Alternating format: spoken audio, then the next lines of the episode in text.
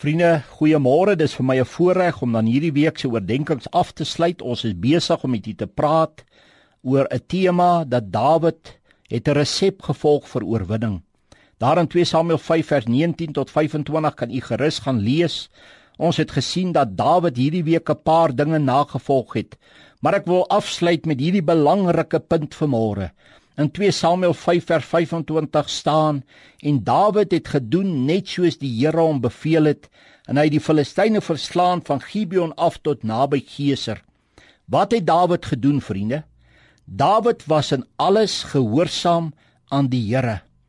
Gehoorsaamheid was die belangrikste van al hierdie punte gewees. As dit nie 'n leefwyse by Dawid was nie, was daar nie oorwinning nie.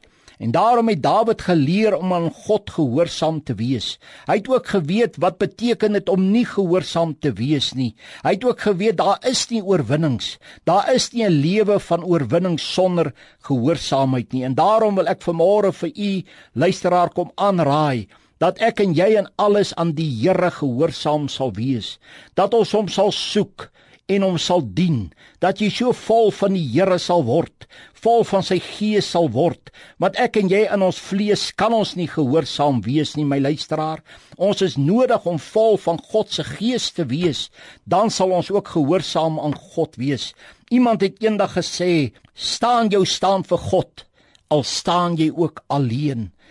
U weet wat het gebeur met Adam en Eva?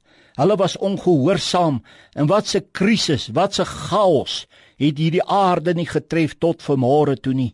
O ek wil u vanmôre aanraai. Miskien luister jy na hierdie boodskap en jy's nie gehoorsaam aan die Here nie. Miskien praat God oor iets met jou. Dan wil ek jou aanraai, raak om hemelsnaam aan God gehoorsaam doen wat hy vir jou vra. In 1 Korintiërs 10:31 staan of ons eet en of ons drink of ons wat doen, doen alles tot verheerliking van God.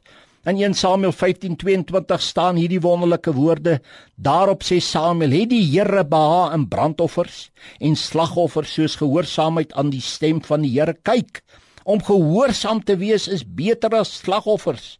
Om te luister is beter as die vet van ramme."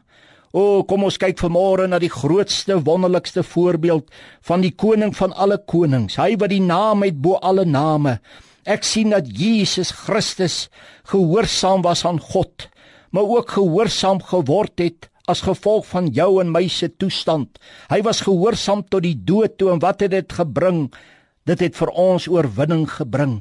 Daarom vriende is daar nie oorwinning sonder gehoorsaamheid. Die Dawid het 'n lewe van gehoorsaamheid gehad. Ons het gesien Dawid het God geraadpleeg. Ons het gesien hierdie week hy het God se wil gesoek.